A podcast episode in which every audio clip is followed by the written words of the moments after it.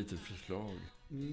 Och det är att vi börjar med att samstämmigt i kör säga Hej och välkomna till den allra sista lyran.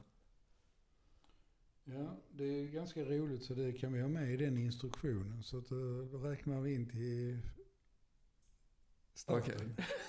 Eller? Ja, ja, ja. Okej. Vad sa du vi skulle säga? Välkomna. Hej och... Ska vi säga det? Är de verkligen välkomna? Ja, de är välkomna. De är ju väldigt välkomna. Extra välkomna till den, Extra välkomna! till den, till den allra sista lyran. Ska vi säga det samtidigt? Välkomna till den sista lyran. Eller ska vi säga extra välkomna till Ja. den sista lyran? Vi ser vad det blir. Ja. En, två, tre, fyra. Extra välkomna till- den sista lyran. Vi prövar igen. En till. två. Extra välkomna till den allra, allra sista, lyran. En gång till. Extra välkomna till den allra sista lyran. Den sista lyran, det vet man ju inte vad det är. Det kan ju vara som själva livet, att det har en fortsättning fast man inte vet om det. Det är ju många som har trott det, att livet tar slut och sen så fortsätter det på något sätt. Ja. Låt oss eh, hålla frågetecknen krokiga. Ja, det kan ju vara samma sak med Ja. eh, en podd. Den kan Men- återuppstå. Exakt. Men vi har valt temat uppbrott. Ja, vi har valt temat uppbrott. Mm. Och det är så att säga inte bara för att det sannolikt blir den sista lyran. Utan därför att vi båda går igenom en intensiv livsfas som präglas av uppbrott. Och själva uppbrottet som sådant hade inte hindrat oss från att göra lyran. Men jag flyttar från landet, från Linderödsåsen till Stockholm. Mm. Linderödsåsen i Skåne. Ja. För den som inte vet. Och eh, det blev för invecklat. Och jag har flyttat från planeten Lund till planeten Malmö. Ja, nästan otroligt. Ja, vilken rymdfärd va? Ja. Så att eh, vi bor för långt ifrån varandra snart. Mm. Vi känner nog inte för att göra det i, i Zoom-format eller Google Meet eller alltså video. En videopodd liksom. Nej, nej, det funkar nog inte. Men vi får se. Ja. Mellan mig och Rolf Bäckman så har det alltid hoppat kreativa gnistor. Som Mm. vi Mm. aldrig har lyckats hejda i tid. Utan det har, det har blivit projekt av det. Mm. Det Vi blev ju bandet Tundra en gång i, i tiden. Vi Och, kanske kommer på något nytt. ja, ja, ja. Även om vi inte bor, även om vi bor 60 mil ifrån varandra. Vem vet? Men vi tycker att temat uppbrott är inspirerande. om än på ett vemodigt sätt. Så vi har gjort ett, ett eh, relativt sparsmakat urval av poesi och musik som vi hoppas ska berika dig, kära lyssnare. Hur länge har det här programmet funnits? Hur länge har vi hållit på med den här lyran? Ja, vi har i varje fall kommit fram till att det här är program 28. Mm. Och vi började 2017 eller? Ja, är det fyra år? Mm. Ja, det måste vara. Ja, Mm. ja men det är det. Det är, det. det är fyra år. Fyra år på det femte. Den eh, något överraskande inledningslåten eh, heter ju, som alla förstod, Breaking Up is hard to do. Ja. Och det är det ju. Ja. Och han som sjöng hette Neil Sedaka. Mm. Och året var 1960. Mm. Jag lämnar ju som sagt det norra skånska skogslandskapet för att flytta till Stockholm. Och jag har bott där i över 40 år. Och vi har ju varit där under all, hela denna tid. Du är nog den av mina vänner som var där allra först. Mm. Både vänner och släkt tror jag. Okej. Som var där allra först. Du, du var där när vi precis hade köpt och det var bara ett ruckel alltihopa. Det fanns väl inget golv i köket till exempel. Så här halvt livsfarligt att röra sig där. Nej, det fanns liksom. Det fanns Ja, en sorts ja. stomme bara. Ja, ja. Och vi byggde och vi byggde på det där huset och så. Och du har varit med i det här, i det här ställets alla olika faser. Mm. Och sett. Så det här är en lantegendom. Mm. Modell ganska stor. Nej, det kan man inte säga. Inte om man jämför den. Men, men i alla fall. Ja, Så att eh, lantegendom är det nu. Säljer vi den och flyttar in till centrum av Stockholm för, att- för att bo med våra barnbarn. ja säg som det. Det är lika bra att erkänna. Lidingö. det återstår att se faktiskt var vi hamnar. Vi har inte skaffat något ännu.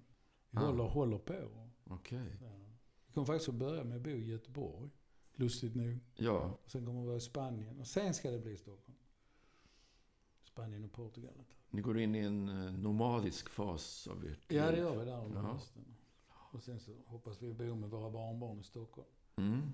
Det, det motiverar mig att, att det, jag, jag tycker det är roligt att vara med mina barnbarn. Jag tycker, det, tycker om den stämning som skapas. Och de diskussioner som uppstår. Ja.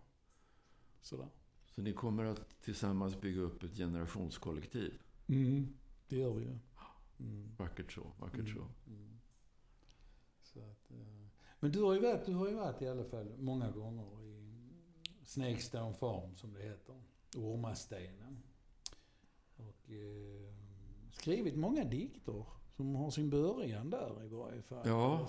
Inspiration från det stället. Korta, långa, allvarliga, lekfulla.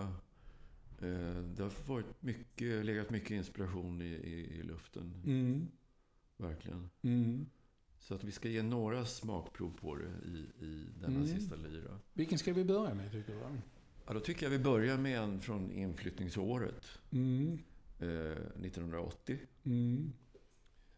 Och det är en eh, dikt i tre delar som heter Påskeld. Mm. Och eld är ju ett nyckelord Mm. för, för dig, Rolf. Mm. Eh, att elda älskar du. Mm. Och du och Åsa tillsammans har ju eh, utvecklat, eller skaffat er själva först kunskapen om hur man glödvandrar utan att bli ihjälbränd. Och sen har ni fört den vidare i form av undervisning och utbildning till, vågar man säga, tusentals människor. Ja, det vågar man säga. Mm. Och vi har haft folk från olika länder hos oss som vi har lärt, som har varit mer seriösa. Det är två, det är två saker. Så att. Det ena är ju att, så att säga, göra det som ett Mm. eh, evenemang. Det har vi gjort många gånger hemma, men även på taket i en skyskrapa i Mexiko, Mm. på torg i Kina och ja, på lite olika ställen kan man säga överhuvudtaget. Men sen så ibland är det ju folk som vill lära sig hur man gör detta då, vill själva Mm. vill bli lärare. Då har de kommit till oss ofta. Vi var i Portugal och så många. Men de har varit hos oss. Och där har vi haft folk från över 30 länder. Mm. Och jag glömmer aldrig när jag upplevde det. Jag hade ju bestämt mig själv i förväg, feg som jag är, att jag ska minsann inte göra det. Jag ska bara Mm. titta på. Mm. Men, men sen när jag var med om uppvärmningen och sångerna och man stod i en stor cirkel runt eh, den här glödbädden då. Som är cirka hur lång? 10 I ett meter? sånt, nej, oh, nej, den- i ett Nej. sånt sammanhang. Sex, sex meter? Ja, snarare, något sånt högst. Mm. Okej. Mm. Men sen var, började mina fötter att gå. Mm. Mina fötter ville testa. Mm. Och det handlar ju om att, att eh, väldigt nedkokat, att, att utmana sin rädsla. Mm. Gå över den gränsen. Mm. Finna att det finns ingen skada på andra sidan. Det finns inget hot. Alltså det, det roliga är att vi säger så här att, och menar det också när vi har en glödvandring, att vi bryr oss inte om om ni går på glödande kol eller ej. Det är, det är inte därför vi är utan vi är där för att uppmuntra dig att fatta beslut som stämmer för dig. Varje beslut du fattar Mm. i ditt liv, varje dag. Va? Och här får du då ta ställning till om du tänker gå på glödande kol eller ej. Och då är det mellan, mellan 90 och 100 procent väljer att gå. Det spelar ingen roll om det är ett företag eller en skola eller vad det än är. Så är det alltid, nästan alla, någon enstaka person låter bli. Vilket är rätt modigt faktiskt. Mm. Om du har en grupp på 20 stycken och så är det en som inte går. Ja, ja, ja. Det, så då måste vi lyfta fram dem. En sorts omvänt mod. Ja, det är det ju. Det, det är inte att, att den personen fegar ur, utan Nej, exakt. Va? den personen vågar trotsa det sociala trycket Ja. som ändå finns där på något sätt. Ja. Men tillbaka till, till en av Mm. de allra första eldarna som vi inte gick på inom parentes, utan det var bara en jättestor, jättefin brasa. Påskeld! Då hade jag inte börjat med det här Nej. glödvandrandet eller svetthyddorna eller någonting. Ja, då var du fortfarande en vanlig sansad medborgare. Ja. Du bjuder oss på brasa bredvid bäcken.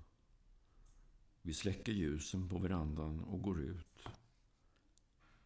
Elden slungar glöden upp i himlen som en omvänd ström av meteorer.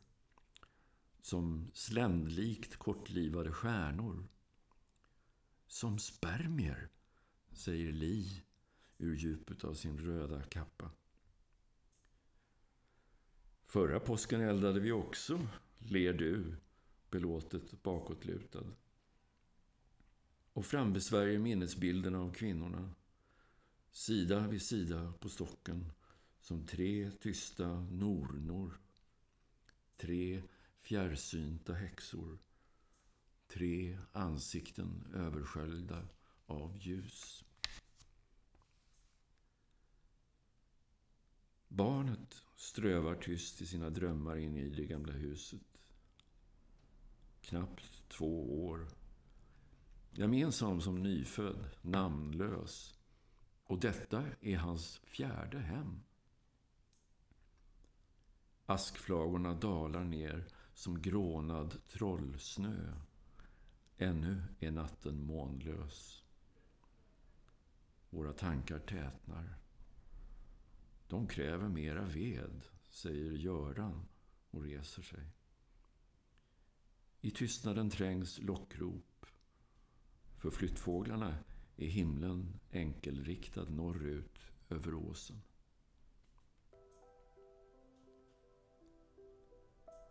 Ensam i sin medeltida kammare såg Nostradamus västerlandets framtid dra förbi som beslöjade syner i ett helgat vattenbäcken.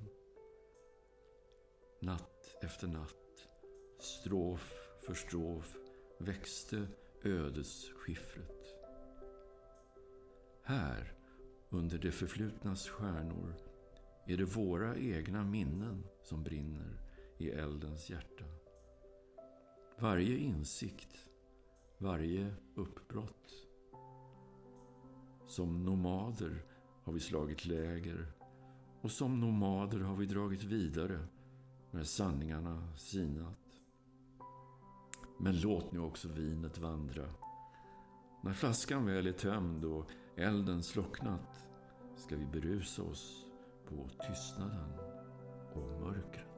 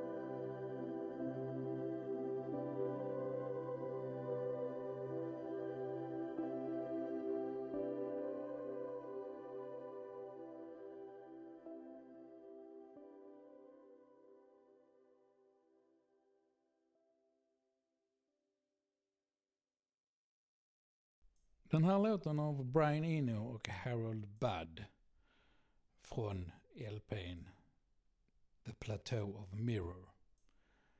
Ehm, den är från 1980. Märkte vi när vi började leta efter någon musik som passade. Och 1980 var det år som vi flyttade där till Gilleröd. Så det var ju ett rätt så märkligt sammanträffande. Och det här tidsspannet som ni alltså har upplevt från 1980 till Mm. 2021 Mm. är ju substantiellt och alldeles bortsett från den omvälvning som ni har gjort av er egen fastighet så, så har ni också fått uppleva, uppleva hur hela bygden och landskapet, Mm. eh, kulturen så att säga, Mm. den lantliga kulturen har, har förändrats. Mm. Vad tycker du har varit den mest dramatiska och påtagliga förändringen? Det är hur man, hur lantbruken och skogen används, absolut. Jag vet inte hur många mjölkbönder det fanns i den socknen när vi flyttade dit, men det var säkert tjogtals. Mm. Nu finns det inte en enda. Det var sex stycken som lever, lämnade mjölk varannan dag på den lilla vägen där vi bor, så att säga. Mm. Nu är det ingen naturligtvis. Va? Ehm, Så att eh, de, de, stora, de stora lantbruken, de större då som är på hundratals hektar och så. Va? Antingen är det hästar, hästuppfödning av eh, tävlingshästar. Eller är det ingenting, alltså det är bara skog och eh, någon som kanske har någon köttdjur där på någon månad på sommaren eller så. Va? Och, så att och befolkningen är helt annorlunda. Då var det ju mycket ensamstående män. Redan då hade många kvinnor flyttat från landet. Och eh, det var, och mödrarna dog eller var gamla. Så, så det var mor, mor och bonde bodde ihop. Och så hade man då kanske 30 djur eller 30 kor eller någonting sånt. Va? Gampojkar som man säger Ja. i Norrland. Ja. Och sen skogarna var ju riktiga skogar. De var ju stora skogarna. Och, och det är bokskog detta primärt. Va? Och de kanske tog ut lite av de här skogarna eh, var 15 20 år. Nu är det Mm. rätt många som tar ut var femte år. Så skogarna, bokskogarna, har det börjat likna allt mer eh, parker. Och det är ju ingen som arbetar för hand nästan, utan de, de kör med så maskiner. Och skogarna Mm, var allt mer mm. lika stadsparken. Ja, jag har ju sett dig bokstavligen fälla träd med bara händerna och såga upp dem. Och, eh, Mm. varit väldigt imponerad och försökt bidra efter förmåga någon gång.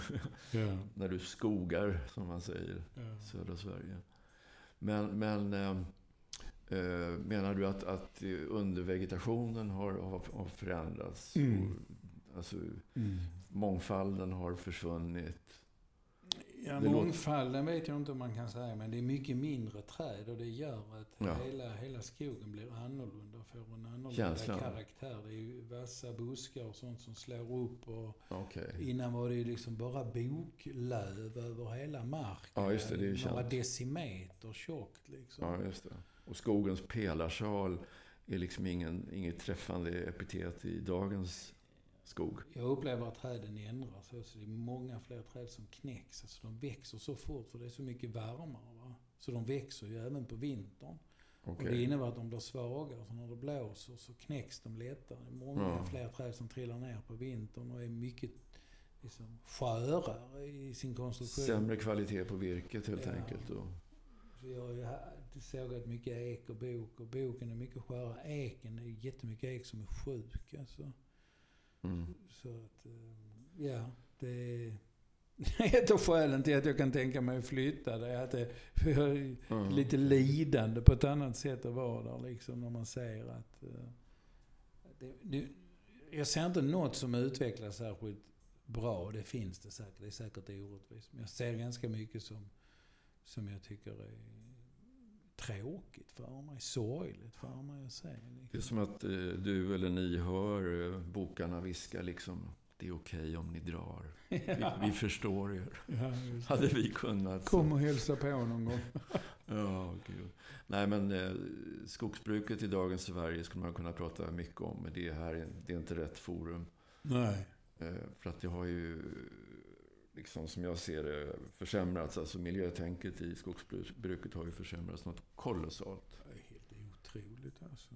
med fruktansvärda konsekvenser uppe i, i Norrlandsskogarna till exempel. Ja, men det är, det är obehagliga konsekvenser här också. Jag har ju bott mitt i det så jag ser det. Hur Mm, de börjar ta mm. mer och mer och mer och mer. Och det gör att hela skogen förändras. Eh, Mm. På vad som växer på marken och hur träden förhåller sig till varandra och sånt. Hela känslan liksom. Ja, ja. Eh, Och det är inte bra för skogen.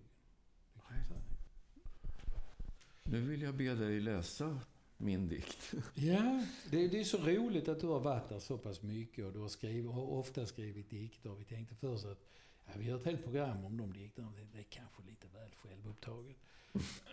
så att det gör vi inte. Men här är en dikt som jag, som jag verkligen gillar som, eh, som du har läst.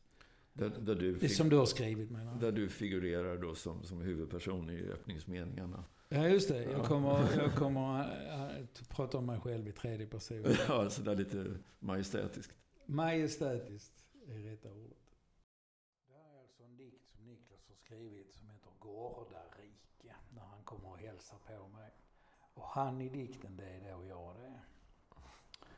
Och jag är alltså Niklas. Nu blir det väldigt komplicerat. Lite förklaringsbakgrund här. Men Nils Persson är Nils Persson. Nils Persson är Nils Persson. En Ja, av de bönderna där. Som fyra kor, mjölkkor. Gårdarike. Besöker en gammal vän på landet. Han hämtar mig vid hållplatsen med en förnuftig bil. Mörkret faller över skogarna men snöns vita spjärnar mot. Och gården lyser som ett skepp ute på redden. Under middagen för oss trappistmunkarnas öl fjärran från all tystnad. Vi hör det själva, hur meningarna vindlar iväg i snabba harsprång. Allt som måste avhandlas mellan förrätt och frukost. Sent på kvällen passerar vi den gamla ödegården. Efter moderns död levde Nils Persson ensam med sin spets. Nu är han borta sedan länge och huset sjunker, sakta och obönhörligt. Mörkt lägger det sig till rätta, en gåtfull formation i landskapet.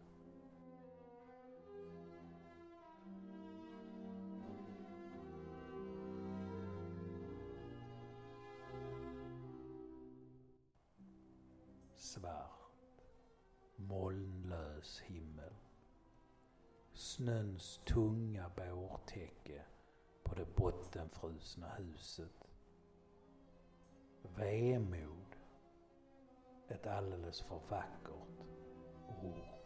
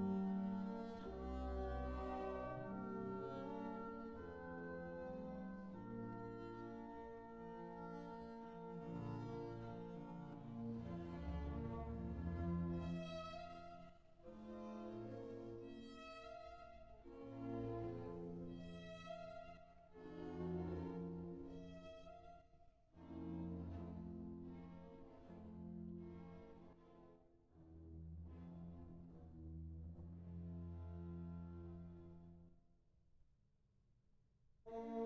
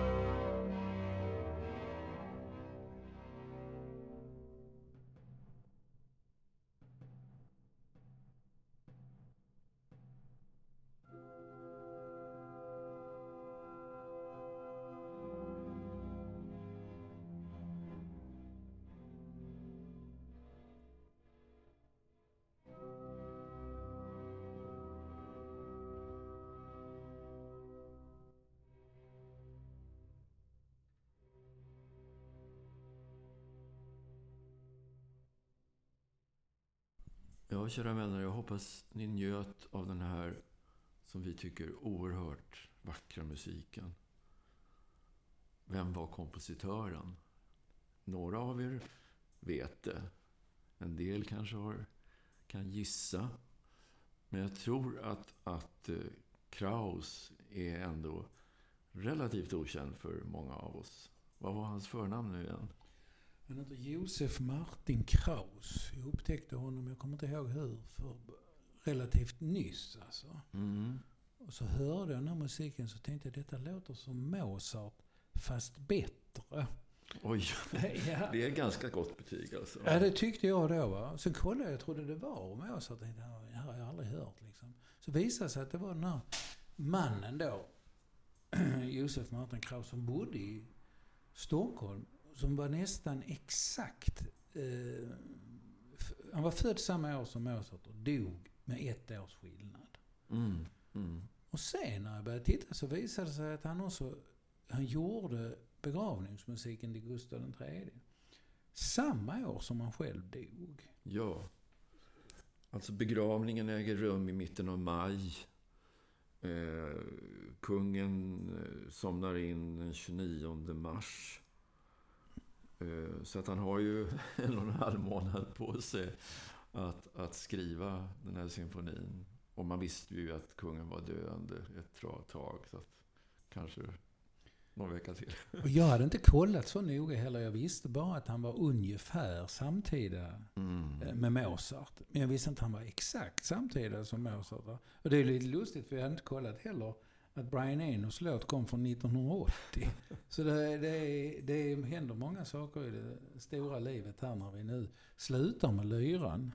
Det här sista programmet växer fram organiskt verkligen. Ja, Ja, det är underbart. Och med lite mystiska inslag. Och eh, man vet inte med säkerhet eh, ifall Mozart och Kraus träffades. Men chansen är ganska stor eftersom just de var samtida och bägge var frimurare. Mm. Och de låter ju också likartat måste man säga. Alltså, Mm. Det är klart det är i tiden. Det kanske Mm. fanns många som gjorde det. Men jag har aldrig hört alltså, musik som låter så likt varandra som, som, Mm. som Mozart och Kraus. Även om jag tycker Kraus är lite bättre. Ja, alltså du har verkligen fastnat för honom. Ja, otroligt. Och, och för mig var han ny, det ska jag medge. Va? ja. Jag, är bra, jag är bra på Roma, roman, men... men, men Ja. Det hade Bergvall, ingen aning. Jag bara snubblade Mm. honom. Något bra, det finns Mm. lite bra eh, musikprogram på P2 som jag hör på ibland. Och det här stycket vi valde, det är alltså då sista satsen. eh, Som är ett adagio, lite märkligt nog. Mm. I eh, hans symfoni funèbre. Som man får översätta med, med sorgesymfoni helt enkelt. Då. Och eh, Kraus menade själv att satserna skulle spelas i svit. Men enligt uppgift så framfördes de lite uppdelade beroende på hela arrangemanget kring, kring bisättningen av Hans Majestät. Men, men eh, det är rörande som sagt att, att hans liv, hans Kraus eget liv är på väg att ta slut. Och vad som förvånar mig är inte att han dör eller att han dör av sjukdom. Men, men det står att han dör utfattig. Mm. Jag tänkte att han, han borde ha fått en rejäl Mm. penningpåse Mm.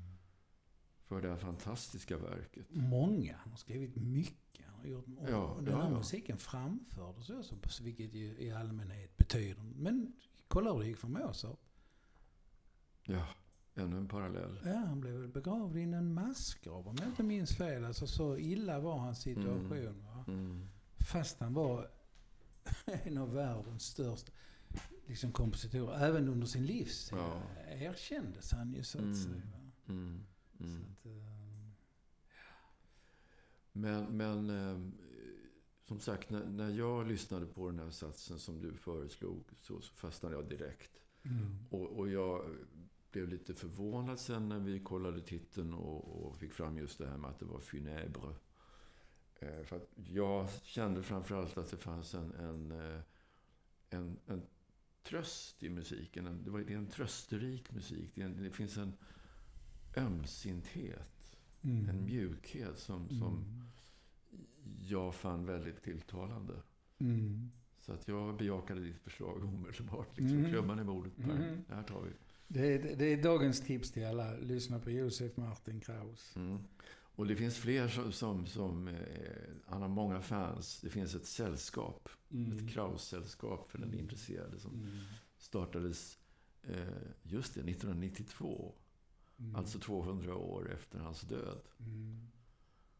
Men eh, Kraus vet man var han är begraven och han, han har en vacker inskription. Eh, att hans, här, här vilar det jordiska av, av Kraus, men eh, musiken finns i himlen. Och, ungefär. Och eh, han har fått ett torg uppkallat efter sig. Va? Så han, han, eh, hans minne vårdades. Hans kista drogs över Brunnsvikens is. Det är ju en av mina religiösa föreställningar. Men nu när, när jag tillåter mig att ha det så är det liksom att Gud skapade då hela världen och människor och allt levande och hela liksom processen med livet. och Alla små saker som samverkar och sen uppstår det nya grejer och sånt. Så tänkte Gud liksom, ja men de här människorna, liksom, hur ska de fatta att det, att, det är, att det är jag som har gjort det här? Att det är Gud, någonting större än de som har skapat allt detta. Då kom man på musik. Jag tänkte att liksom, har de musik så måste de ju ändå förstå det religiösa inslaget i vår tillvaro. Sen har han suttit liksom och trummat otåligt med fingrarna i väntan på att alla miljarder ska liksom dra- drabbas av den här för honom självklara insikten. Att i och med att musiken existerar så, så finns jag, deras skapare. Ja. Man går ju ur sin vanliga identitet så fort man ger sig hän åt, åt musik. Liksom. Så är man ju någon annan än den man är när man inte lyssnar eller spelar. Det är två olika saker. Liksom. Absolut. Mm. Vi går vidare nu Mm. till eh, en dikt. Mm. En mycket berömd dikt. Mm. Fast ni ska få höra den i en, en eh, tonsatt version. Mm. I mitt tycke är det här en av eh, 1900-talspoesins absoluta höjdpunkter. Och vi talar om Karin Boyes dikt i rörelse. Och eh, det är ett gott betyg åt denna rimmade, rytmiska och väldigt liksom förtätade och starka dikt. Att den finns i flera olika tonsättningar. Och att, den fortfar- att det fortfarande kommer nya tonsättningar av, av unga artister inom elektronikagenren till exempel.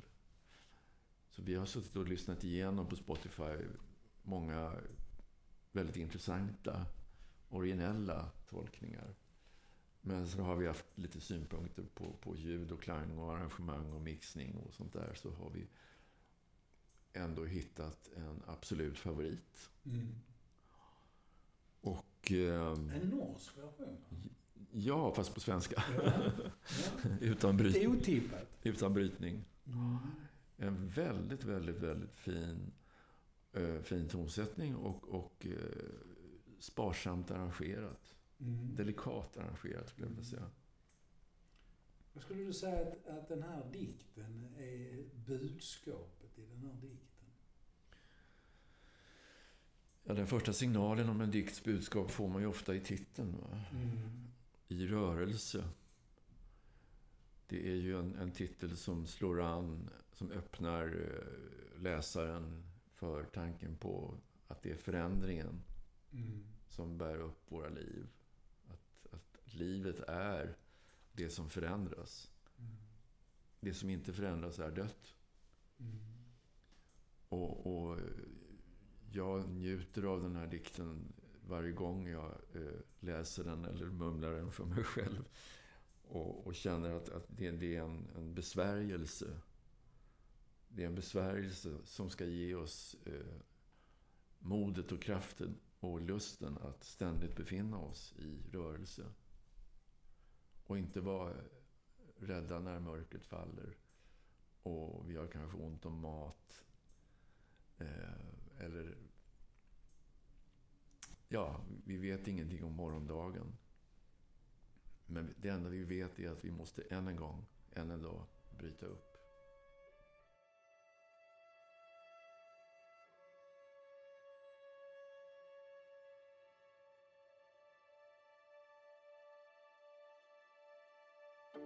Den mätta dagen, den är aldrig störst.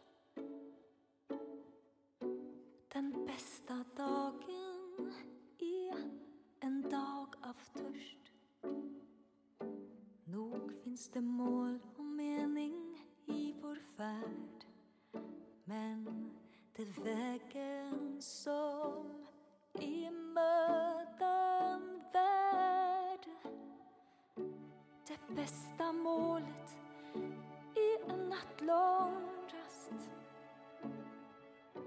där elden tänds och brödet bryts i hast på ställen där man sover blott en gång blir sömnen trygg och drömmen full av sorg.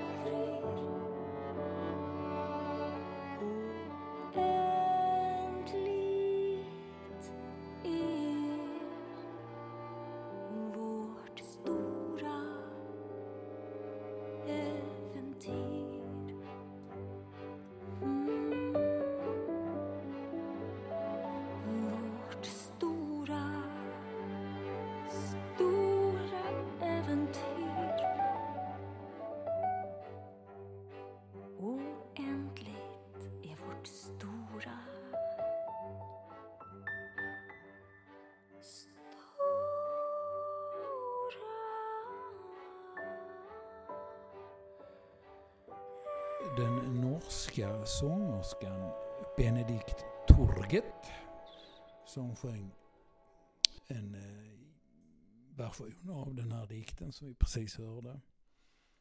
Hon är född eh, på 70-talet och hade en sen debut och är aktiv i i många olika nivåer, liksom konstmusik och popmusik och så. Benedikt Turget kan vi alltså rekommendera att följa upp mera. Och nu är lyran på upphällningen får vi säga. Och vi slutar när vi har det som allra roligast. Vi lyder äntligen våra kloka föräldrars råd.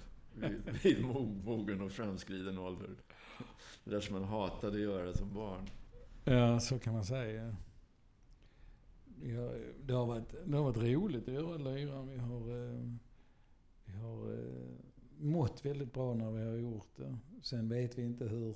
Det är, det är några hundra som har tyckt det var roligt att lyssna på det. Vi får ju tacka för det. Tack allesammans. Mm. Verkligen från Ja. våra hjärtan. Ja. Vi, vi hoppas att vi har stimulerat er till att, att odla nyfikenheten på poesi och musik och Mm. livet och världen och människan. Mm. Och det äventyret är ju oändligt, för att nu travestera den kära Karin. I den här moderna tiden så är det väl så att eh, eh, det kommer att försvinna. Alltihopa liksom. Förlåt, vilket? Allt det vi har spelat in och som nu finns överallt liksom på en massa olika ställen. Eh, Kan ni vara så jävliga? Ja, det tror jag. Det tror jag. Utan vad som händer är vi betalar ju någonting för att lägga upp det och sen så när vi inte betalar det längre då försvinner det nog överallt. Va? Så att, eh, Sådan är kapitalismen. Så, ja, och, Okej. så är det nya tiden. Så Mm. att, eh, det- det känns ju lite fascinerande att tänka på det. Att vi har haft så otroligt mycket roligt och lagt ner mycket energi och glädje och vår kunskap i det här projektet. Och sen så bara tjut så det så är alltihopa försvunnit liksom. Mm. Och det är ungefär som man själv ja. Man lever ett liv och man eh, njuter så mycket man kan och sen rätt vad det är så är det försvunnit. Man har ingen aning om vad som händer då. Ja, man får liksom eh, gräva fram zen-buddhisten i sig. Liksom, Ja. och, och inte bara skatta åt förgängelsen, utan kanske till och med skratta åt den. Ja, i bästa fall. Så att, eh, du har valt vår sista dikt i eh, lyran. Ja. Vad är det du har valt Niklas? Mm. Från din favoritkompositör till min danska favoritpoet. Pia Tafthop. Hon har gett ut åtskilliga diktsamlingar och är mycket uppburen i sitt land. Sitter i det dansk, danske akademi.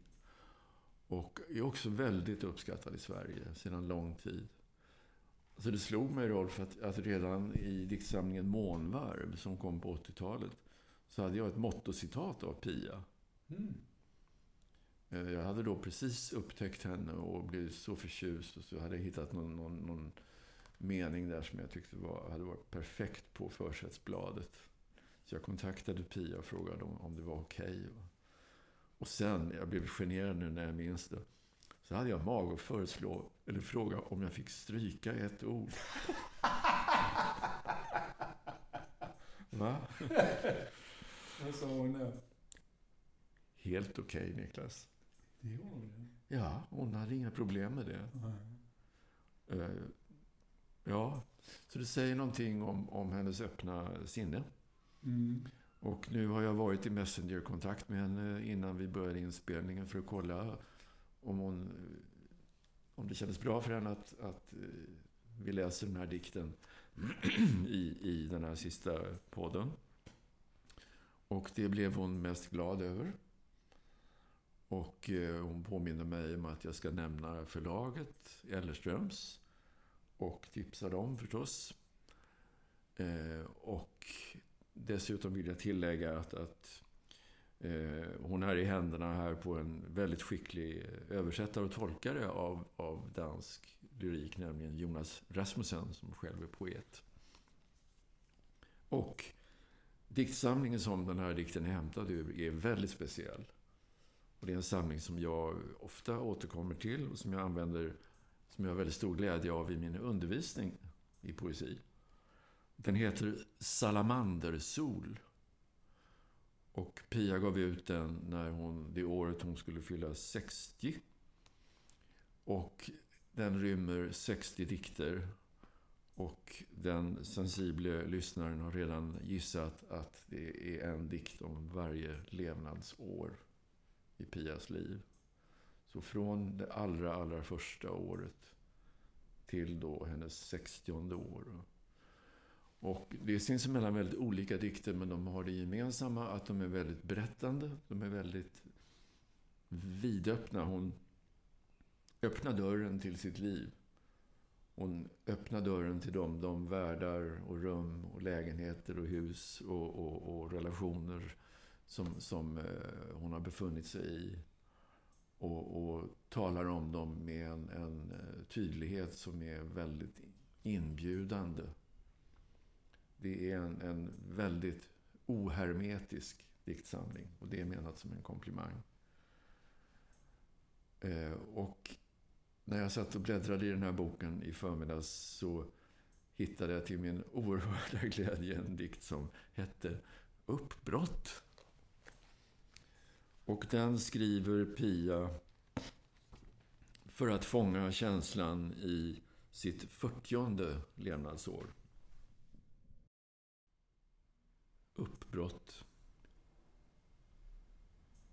Under nedfallna blad söker små djur efter stjärnor. Framsipprande väsen i ett multnande vinterförråd när jag gräver djupare. Ett ögonblicks intet innan stormträd svajar. Skogen luktar fukt och förruttnelse. En okänd grav myllrar av hemlöst liv. Solen strilar ner längs stammar. Insekter knastrar under mörken bark. Vacklar berusad ut på en gren. Förändringars virvelstorm. Inte annorlunda än en vänkrets drabbad av en tyfons kraft. Skilsmässor, sjukdom, plötslig död. Ett samhälle går under, ett annat reser sig. Ny luft strömmar sval och klar. Andas, överleva. Djur pilar upp längs stammar, försvinner in i en krona där fåglar då och då kortsluter med sång eller störtdyker. Droppar av drömt ljus mellan kvistar eller fläckvis blindhet som efter stjärnfall på himlens valv innan det oundvikliga uppbrottet äger rum.